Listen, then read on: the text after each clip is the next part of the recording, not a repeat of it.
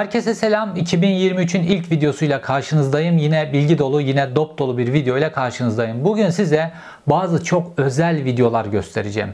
Tarihi eser kaçakçılığı sırasında çekilmiş videolar. Bu videoları izlediğinizde Türkiye'nin paha biçilmesi zor tarihi eserlerinin nasıl poşetler içerisinde taşındığı, nasıl el değiştirdiği, nasıl bu kaçakçılığa alet olduğunu göreceksiniz. Çünkü bahsettiğimiz tarihi eserler antik çağlardan kalma 3-4 bin yıllık tarihi eserler. Bunların pek çoğu şu an Avrupa'nın çeşitli müzelerini süslüyorlar ve yılda on binlerce turistin gidip ziyaret ettiği, çok yüksek miktarda gelirin elde edildiği müzelerin en nadide parçalarılar. Fakat Türkiye'de elden ele iptidai biçimde poşetler içerisinde nasıl taşındığı ve nasıl el değiştirdiğine ilişkin çok net buz gibi videolar göstereceğim size. Bu video aynı zamanda tarihi eser kaçakçılığı ve havacılık alanında dönen dolaplarla ilgili video silsilemin ilk videosu olacak. Çünkü bu iki konu birlikte yürüyor ve Türkiye'de hem tarihi eser kaçakçılığı konusunda hem de havacılık alanında çok fazla vurgunlar, çok fazla dolaplar dönüyor. Yine bilgi dolu, yine dop dolu bir videoyla karşınızdayım.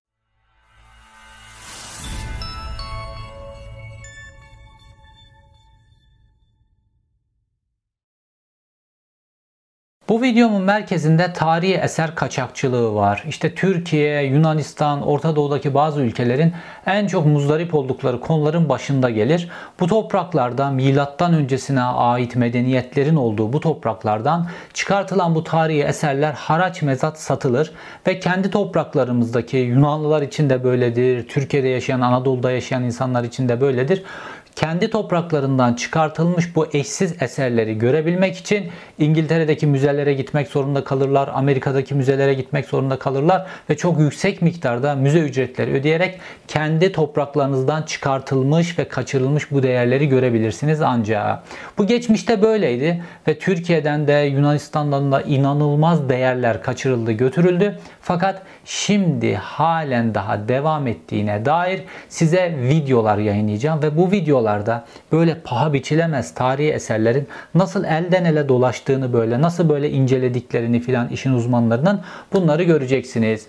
Şimdi Gökhan Sarıgöl isimli bir kişi var.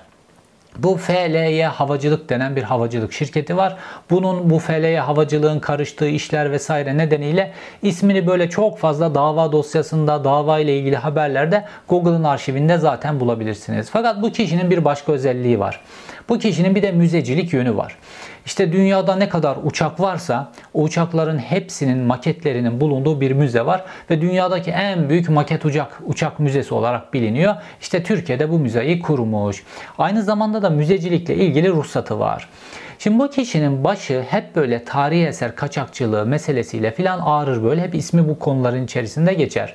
Çünkü müzecilik ruhsatı olduğu için bazı böyle tarihi eserleri bu ruhsat çerçevesinde alır, envantere geçirir filan. Fakat bu tarihi eser operasyonlarında aynı zamanda bu kişinin envantere geçirmediği de binlerce parça ortaya çıkar. Şimdi aynı zamanda da havacılıkla ilgili bir özel havayolu şirketi sahibi olduğu için de işte bu tarihi eserlerin yurt dışına çıkartılması meselesi çok kolay organize biçimde yapılacak bir hadise. Dediğim gibi bu kişinin ismi çok fazla dava dosyasında geçer. Şimdi bu Gökhan Sarıgöl'ün deposunda çekilmiş çeşitli video kayıtları var. Bunları neredeyse tamamını e, bu videomun sonunda bulabileceksiniz. Ama bu videoların üzerine de konuşmamız lazım. Çünkü bazı detayları size açmam lazım.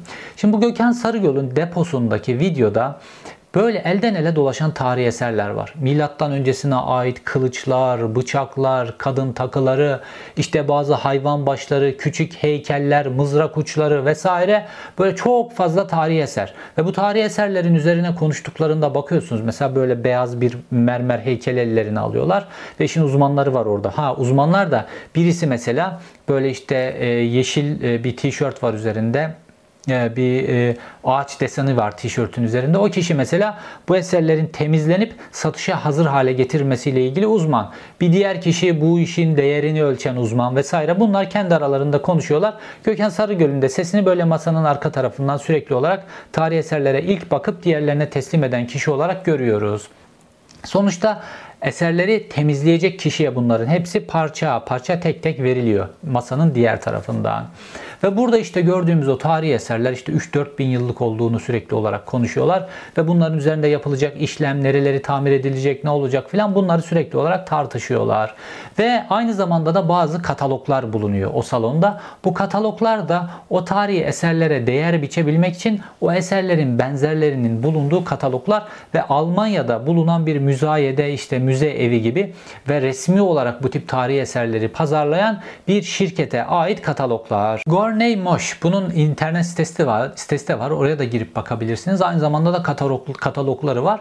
Ve bu kataloglardaki böyle eserlere de baktığınızda işte böyle 5-6 bin eurolardan başlayıp 100 bin eurolara kadar daha üstüne kadar gidecek tarihi eserler var. Böyle küçücük böyle bir tane heykelin falan bile 15-20 bin euro olduğunu görebilirsiniz bu kataloglarda. Çünkü dediğim gibi 3-4 bin yıllık milattan öncesine ait Yunan medeniyetine ait, Bizans medeniyetine ait, Anadolu'daki çeşitli medeniyetlere ait eserler bunların hepsi satılanlar.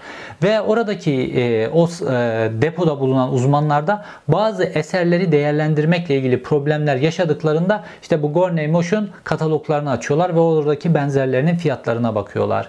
Ve e, ondan sonra onun üzerinde bazı değerlendirmeler yapıyorlar. İşte nasıl tamir edilecek, nasıl temizlenecek filan. Onunla ilgili meseleleri de tartışıyorlar. Aynı zamanda Odaya baktığımızda işte böyle son derece iptidai biçimde toplanmış bu eserler. Çünkü bu tarihi eser kaçakçılığı organizasyonlarında toplayıcı denen isimler vardır. Bunlar işte legal olarak Türkiye'de bazı yerlerde kazılar yapılıyor biliyorsunuz Kültür Bakanlığı'na bağlı olarak. Çeşitli üniversitelerin yürüttüğü, bazı arkeoloji bilimlerinin yürüttüğü çalışmalar. Bunlardan kaçırılan bazı tarihi eserler var. Ayrıca böyle kaçak kazılarda çıkartılan bazı tarihi eserler var. Bunların hepsini bu toplayıcılar gidip toplarlar. İşte burada böyle daha düşük fiyatlara bunlar anlaşırlar. Onları toplar işte bu, bu şekilde kaçırır, çalar, onu yapar, bunu yapar. Çeşitli müzelerde dönen yolsuzluklar da var tabii bunun içerisinde. Ve bu şekilde bunları getiriyorlar. Ve o toplayıcılar bunları getirirken orada görüyorsunuz videolarda böyle iptidai, böyle normal alışveriş poşetlerinin içerisinden çıkartılıyor bunlar. Sonra onu alıyorlar, sarıyorlar. İşte orada FLY havacılığa ait böyle daha korumalı böyle çantalar var. Sonra onların içerisine konuyor tek tek. Ondan sonra da işte bu işi temizliğini yapacak kişi onları tek tek bu şekilde kayda, videolu kayda da geçirerek kendileri çekiyorlar o videoyu. Videolu kayda da geçirerek ondan sonra götürüp bunları temizliyor ve geri getiriyor. Hadise bu şekilde. Hatta orada böyle yüzünü böyle poşetle kapatan mavili bir kadın var. Orada video kaydı yapıldığını bildiği için önce bir çekiliyor. Sonra diğer işte o böyle eserlerin fiyatını değerlendiren kişi böyle video kaydını umursamaz bir şekilde kadının elindeki poşeti alıyor. Sonra kadın da artık çekilmeyi umursamıyor. Fakat netice itibariyle bu Gökhan Sarıgöl'ün deposundaki bu video kaydı dışarı çıkıp ta bana kadar ulaşmış durumda. Ve burada Türkiye'nin değerlerinin Anadolu topraklarından çıkan paha biçilemez değerlerin ve Türkiye Cumhuriyeti'nin müzelerinde bulunması gereken değerlerin nasıl böyle elden ele dolaştığını, haraç mezat satıldığını, satışa hazırlandığını filan bunları çok buz gibi görüyoruz. Bu böyle normal bir müzecilik faaliyeti filan değil. Böyle bir müzenin içerisinde özel bir odada ondan sonra o eserlere gerekli ihtimam gösterilerek filan normalde böyle özel eldivenlerle filan dokunulması gereken eserler bunlar. Özel ışık şartlarında filan korunması gereken eserler. 3-4 bin yıllık eserlerden bahsediyoruz. Fakat böyle elden ele dolaşıyor. Ondan sonra temizlenecek. Ondan sonra nihai sahibine doğru satılacak. Belki de Avrupa'daki bir müzeye de, müzayede de e, onları bir anda 15 bin, 20 bin, 30 bin, 100 bin dolarlık eserler olarak göreceğiz. Ve burada da bazı mesela özel eserler var.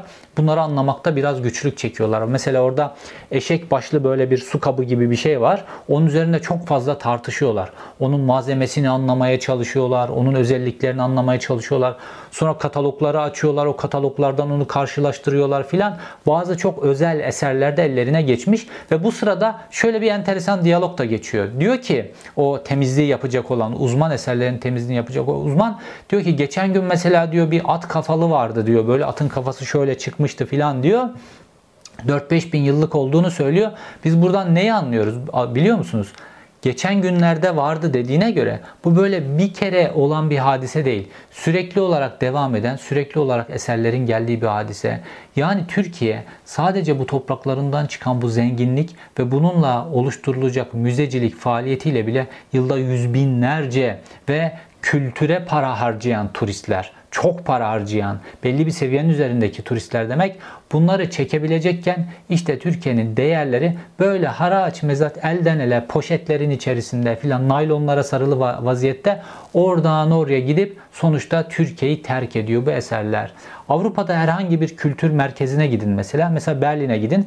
Berlin'de Müzeler Adası denen bir yer vardır mesela. O Müzeler Adası'nda öyle müze e, bilet fiyatları ödersiniz ki aklınız durur ve böyle her yıl yüz binlerce turist oraya çekiyor. İngiltere'deki müzeler hakeza Anadolu'dan götürülmüş eserler, Yunanistan'dan götürülmüş eserler vesaire her yıl milyonlarca turist çekiyor. Türkiye'de bu müzelerin halen daha kaçırılan eserler hadi bir tarafa bırakalım. Şu saatten sonra bile arkeoloji çalışmalarında, farklı çalışmalarında çıkarılan eserlerle düzgün müzeler kurulsa Öyle doğal gaz aramaya ona buna filan gerek yok yani. O kadar büyük bir değer ki bu müzecilik faaliyeti, turistlerin oralara götürülmesi, kültür turizmi filan bunlar çok önemli. Fakat dediğim gibi her şey haraç, mezat elden ayağa düşmüş vaziyette. Şimdi peki bu Gökhan Sarıgöl kim? Bu Gökhan Sarıgöl neden bu işlerin içerisinde? Şimdi biraz onun background'una doğru gidelim. Tabi videonun sonunda bütün bu parça parça şimdi size gösterdiğim bu tarihi eserlerin pazarlanması ile ilgili kısmı böyle full olarak vereceğim size. Fakat onları anlayabilmeniz için şimdi size bazı background bilgileri vermem gerekiyor. Gökhan Sarıgöl'e yönelik Cumhuriyet tarihinin en büyük tarihi eser kaçakçılığı olarak nitelenen bir tarihi eser operasyonu yapılmıştı. Tarihi eser kaçakçılığı operasyonları yapılmıştı geçtiğimiz yıllarda. Ve aslında böyle Google'a dikkat edin. Google'a yazın mesela Cumhuriyet tarihinin en büyük tarihi eser kaçakçılığı operasyonu diye yazın o kadar çok Cumhuriyet tarihinin en büyük tarihi eser kaçakçılığı haberi çıkıyor ki böyle. Kimisinde 20 bin parça, kimisinde 50 bin parça bulunmuş filan. Böyle devasa rakamlara bakıyoruz. Ha bazen bazen içinde sikke oluyor. Çok fazla aynı sikkeden çok fazla olduğu için filan ama mesela bu operasyonda Gökhan Sarıgöl'e yönelik operasyonda 14 bin parça tarihi eser e, söz konusu. Bu da Cumhuriyet tarihinin en büyük tarihi eser operasyonu olarak nitelendi. içerdiği değer itibariyle. Tabi dediğim gibi Gökhan Sarıgöl Sarıgöl'ün müzecilik ruhsatı olduğu için bu eserlerden bazıları envanterine kayıtlı. Fakat bazıları envanterine kayıtlı değil. İşte burada sıkıntı çıkıyor. İşte burada o dediğimiz tamamen tarihi eser kaçakçılığı ile ilgili mesele başlıyor. Şimdi size bir fotoğraf göstereceğim. Bu fotoğrafta Gökhan Sarıgöl bu tarihi eser kaçakçılığı yedikten sonra işte bir süre gözaltına alındı. Sonra işte elektronik kelepçeyle ev hapsine konuldu. Sonra bir süre sonra da o elektronik kelepçe de çıkartıldı böyle. İşler rayına konuldu filan. Fakat Gökhan Sarıgöl bu tarihi eser kaçakçılığı operasyonunu yedikten çok kısa bir süre sonra ev hapsi hemen çıkartılır biter bitmez Sivil Havacılık Genel Müdürlüğü'nü ziyaret ediyor. Ve Sivil Havacılık Genel Müdürü'ne işte bir maket uçak hediye ediyor ve orada birlikte fotoğraf çekiyor. O dönemin Sivil Havacılık Genel Müdürü de Bahri Kesici. Şimdi bu Bahri Kesici enteresan bir figür. Çünkü bu Bahri Kesici bu geçtiğimiz Aralık ayında tutuklandı. 2022'nin sonunda Aralık ayında tutuklandı Bahri Kesici. Buna böyle hiç kimse üzerinde durmadı. Normalde Sivil Havacılık Genel Müdürüydü bu adam uzun süre ve 2021 e, 2022'nin başında yaş haddinden dolayı emekli oldu ve sonrasında bazı faaliyetlerin içerisinde bulundu ve 2022'nin sonunda tutuklandı. AKP'li bir bürokrat ve Sivil Havacılık Genel Müdürü gibi havacılıkla ilgili en üst noktalardan birisinde bulunan bir bürokrat tutuklandı. Üstelik yolsuzlukla tutuklandı. Ve bu bürokratın e, işin içine girdiği konular ne biliyor musunuz? Arazi vurgunları, ondan sonra Onur Eğir'in satışında aracılık yapmak, bazı ruhsatlar vermek vesaire gibi işler. Ve baktığımızda bu Bahri Kesici Sivil Havacılık Genel Müdürüyken daha çok kısa süre önce tarihi eser kaçakçılığından operasyon yemiş adam Bahri Kesici'nin makamına geliyor. Makamında onu ziyaret ediyor. Beraber fotoğraf çekip beraber paylaşıyorlar. İşte bu sivil havacılık üzerinden Türkiye Cumhuriyeti'nin bu değerlerinin nasıl yurt dışına kaçırıldığını merak ediyorsanız işte Bahri Kesici de üzerinde durulması gereken bir adam. Sivil Havacılık Genel Müdürü iken bu denetlemeleri yapması gereken kişiyken Bu nedenle operasyon geçirmiş, soruşturma geçirmiş, davası devam eden adamı makamında ağırlayıp onunla fotoğraf vererek ona güç pompalıyor. Şimdi bir de size ikinci bir fotoğraf daha göstereceğim. Şimdi bu fotoğrafta 2016 yılına ait ve Kültür Turizm İstanbul İl Müdürlüğü tarafından paylaşılan bir fotoğraf. Şimdi Gökhan Sarıgöl'ün Tarihi eser kaçakçılığıyla ilgili bu kadar çok şaibesi var ve Kültür Turizm İl Müdürlüğü onunla ilgili bir fotoğraf paylaşıyor. Yine makamda çekilmiş bir fotoğraf. Peki fotoğrafta kimler var? Fotoğrafta Başbakan Başmüşaviri, dönemin Başbakan Başmüşaviri Hamdi Irmak, Kültür ve Turizm İstanbul İl Müdürü Nedret Apaydın yer alıyor. Bir de FLY Havacılık'tan Gökhan Sarıgöl. Bunlar üçü birlikte fotoğrafta gözüküyorlar. Ve sonrasında işte bu büyük tarihi eser kaçakçılığı öncesi neredeyse kulis çalışması, neredeyse işbirliği çalışması gibi anlaşılabilecek bir fotoğraf. Tabi bu tip fotoğraflar, bu tip resmi hesaplardan yapılan paylaşımların hepsi Gökhan Sarıgöl ve onunla birlikte hareket edenlere kuvvet veriyor. Şimdi Gökhan Sarıgöl'ün bir web sitesi var. Web sitesine kendisini nasıl tanıttığına baktığımızda işte diyor ki FLY havacılığın kurucu ortağı ve itibarı yüksek bir iş adamı olarak tanıtıyor. Ve işte maket uçak tutkusuyla ilgili de müzayedelerde bir maket uçağa 5-6 bin dolar vermekten çekinmeyen bir kişidir diyor. Yani bir insanın kendisini kendisine ait web sitesinde maket uçaklara 5-6 bin euro vermekten çekinmeyen bir adam olarak e, tanıtması son derece enteresan bir durum. Fakat bu fly havacılıkla ilgili, Gökhan Sarıgöl ile ilgili meselelerin derinlemesine baktığımızda bunun çok da ilginç olmadığını görüyoruz aslında. Şu Cumhuriyet tarihinin en büyük tarihi eser kaçakçılığı olarak anılan bu operasyonda Gözaltına alınanlardan iki tanesi de albay ve emniyet müdürüydü. Bir tane de işte e, kapalı çarşıda e, çalışan bir tane kuyumcu vardı bunların içerisinde. Zaten kamu görevlilerin böyle özellikle işte bazı jandarma komutanlarının, bazı işte askerlerin ve özellikle bazı emniyet müdürlerinin böyle defineci olduğu böyle hep bilinir böyle. Bunlar sürekli olarak koruma kalkanları da olduğu için böyle özellikle gittikleri böyle doğu illerinde işte Mardin gibi, Kars gibi bölgelerde vesaire buralarda böyle sürekli olarak bu definecilik işin içerisine girerler. Böyle biraz meraktan biraz da böyle havadan paraya konmakla ilgili meselelerde. Fakat definelerde hep böyle altın maltın vesaire konuşulur ama bulunan küçük bir tane heykel böyle birkaç kilo altından filan daha değerli oluyor. Çünkü dediğim gibi fiyatları çok yüksek. Çünkü Türkiye'deki Anadolu topraklarının altından Roma dönemi dahil böyle tarih fışkırıyor her noktadan. Ve böyle işin uzmanları, konuyu bilen, nereden çıkacağını bilen adamlarla birlikte de çalıştıkları için, bu çeteleri bildikleri için bu güvenlik görevlileri doğal olarak nereyi kazacaklarını, nasıl kazacaklarını filan işin uzmanlarıyla çalışıyorlar. Elde böyle kazmayla gidip filan o işleri çevirmiyorlar. Daha organize biçimde hareket ediyorlar. Şimdi bu Gökhan Sarıgöl'ün e, meselesi böyle. Onunla ilgili meseleler devam ediyor. Tarihe uçak kaçakçılığı ile ilgili. Fakat bir de hadisenin uçak kaçırma boyutu var. İşte bu uçak kaçırma boyutu aynı zamanda bu tarihi eser kaçakçılığı vesaire bunları buradaki organizasyonun büyüklüğünü anlamamız açısından da önemli. Şimdi bu FL havacılıkla ilgili şöyle bir durum var. Şimdi bu İran'a bir ambargo uygulanıyor biliyorsunuz.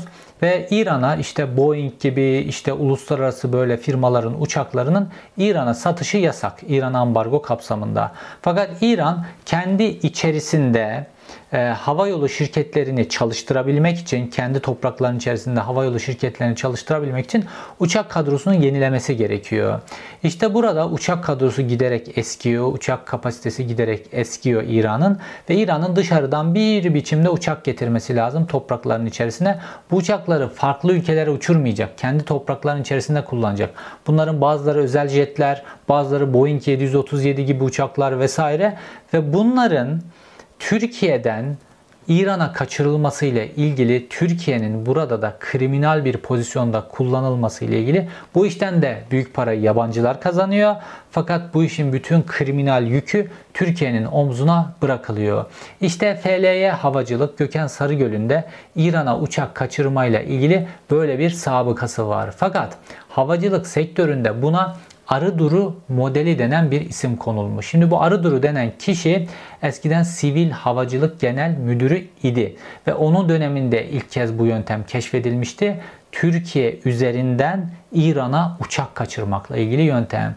Burada da böyle milyonlarca doların döndüğü bir piyasa söz konusu. Fakat Türkiye'deki havacılık sistemi bu biçimde kriminalize edince, kriminal hale getirilince ondan sonra tarihi eser kaçakçılığı da, başka kaçakçılıklarda işte Rıza Zarrab'ın yaptığı altın kaçakçılığı vesaire bunların hepsi yapılabilir hale geliyor.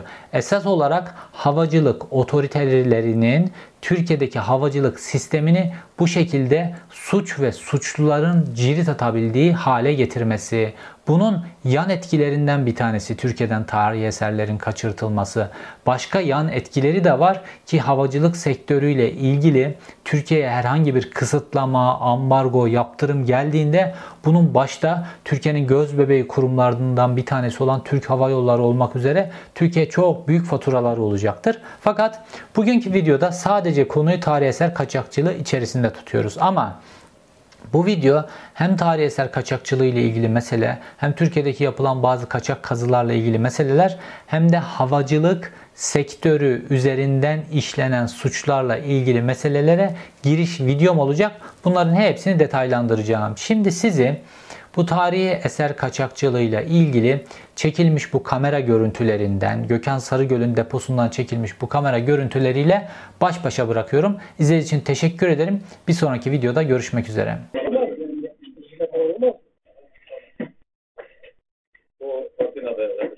Zaten burası geçmişte bir tamir görmüş. antik çağda. Sıkıntı bir tamir görmüş. Antik çağda. Şeyleri. Yani develeri de. Ama mesela tabii tabii. Bunu bu yaptı bizden şey. Atina. Kesin bile. Ya bakacağım buna. Bakacağım nasıl çıkacak diye. Eğer şey kendi patinası çıkarsa daha iyi. Bence patinası bir Ama evet zaten görünüyor. Yeşil. Ama şey var. Mesela oluşma lazım. şurada görünüyor ama şu var. Ama çıkmıyor. Çünkü metal metalik ama. Doğanlar toprak var. Bazı yerlerde metal şişiyor. Metal şiştiği zaman bir şey yapamıyorsun. O iki tane kama vardı ya. Kamalara öyle geliyor. Evet. Kamalar metal. Şey, e, Fotoğraflarını çekiyor. yani şöyle parlamentten öyle bunlar. Tamam. Tamam. Bunu da bahsedebilirim. Tamam, onu da kendine. Şöyle vereyim. Kendine git. Kendine git. Böyle mi? Kendi takılır. Yok yok. Şeyler, parlaklık. Parlaklık üzerinde. Parlaklığı alabiliriz. Ama rengi kendi rengi. Bunu yapmışlar. Sen ne kadar çektin? Hadi şey yap. Evet, evet. Bir olsun. Olsun. Evet.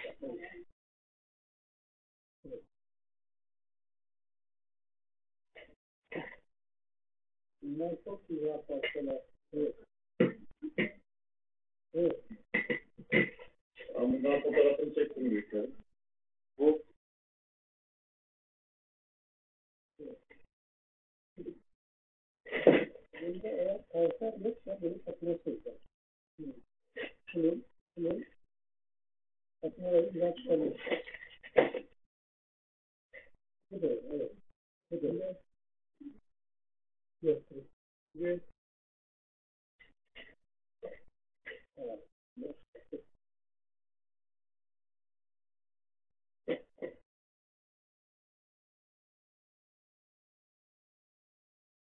nedir? bana adımdan konuyu versene.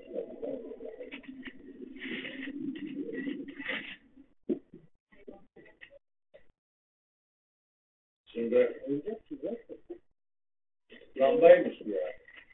Lamba. Oyun lamba. Bize öyle dediler. Ben gerçi orada olduğunu düşünüyorum da. Lambada gibi olmaz. İçinde herhalde bir parça var. Fotoğraf var artık biliyorum.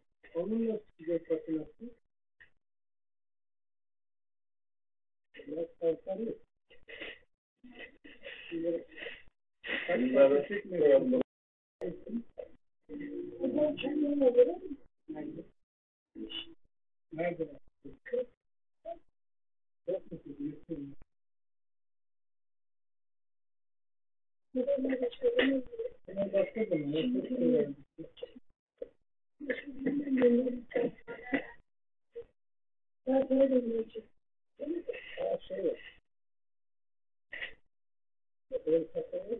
Buradan gönderiyoruz.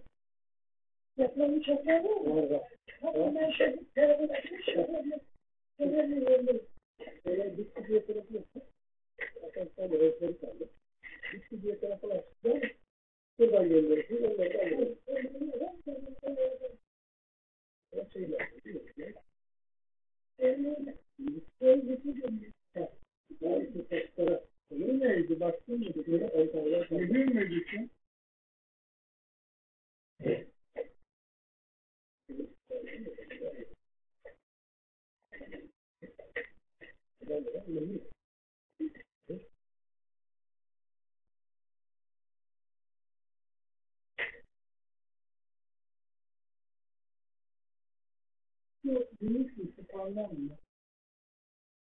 Y se le deja.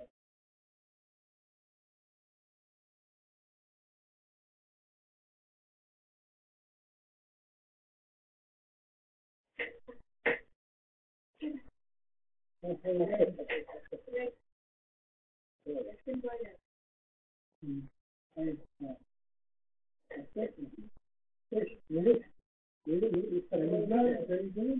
you.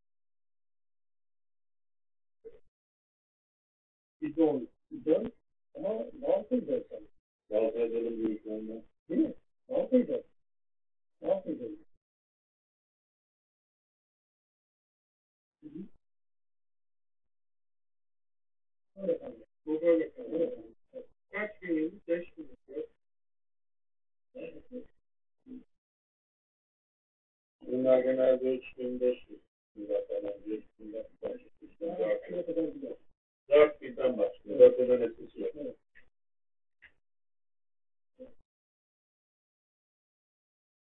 Ben başka şey oluyor, suistimal.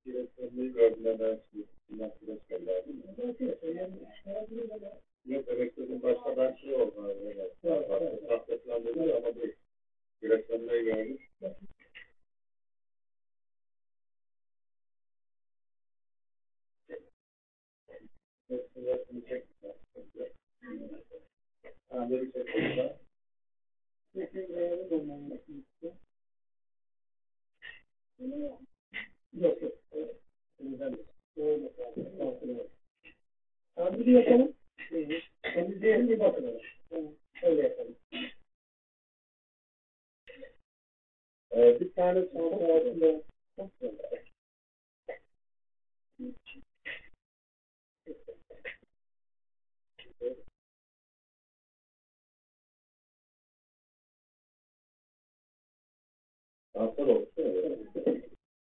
Kurtarabildiğim kadar eşkıya belirli. Onu yani. Öyle de yapabilirsin. Evet. Evet, güzel. Mesela şurada şurada bir şey yapalım. Bu bu bu. Evet, işlere benziyor. Bakacak. Öyle sana daha iyi. İşler değilse şey olabilir. Aslında mesela çok az. Bunu istemediyseniz gayet güzel bence. Evet, çok az. Tamam, bu şey. Tamam.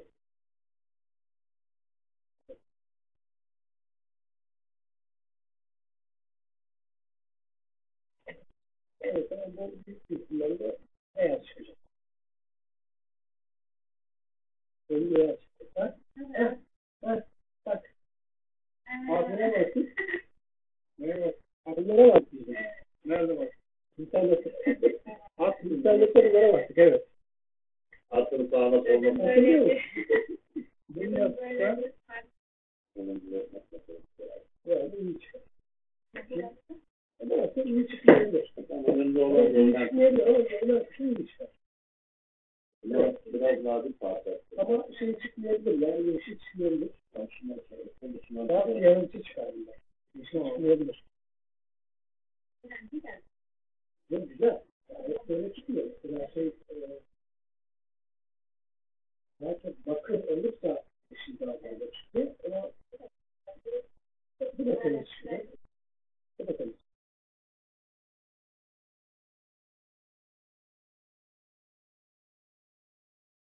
Temiz çıkacaklar veriyorum. Ama dediğim gibi başka var mı evlerin? Bu kadar mı? Yok.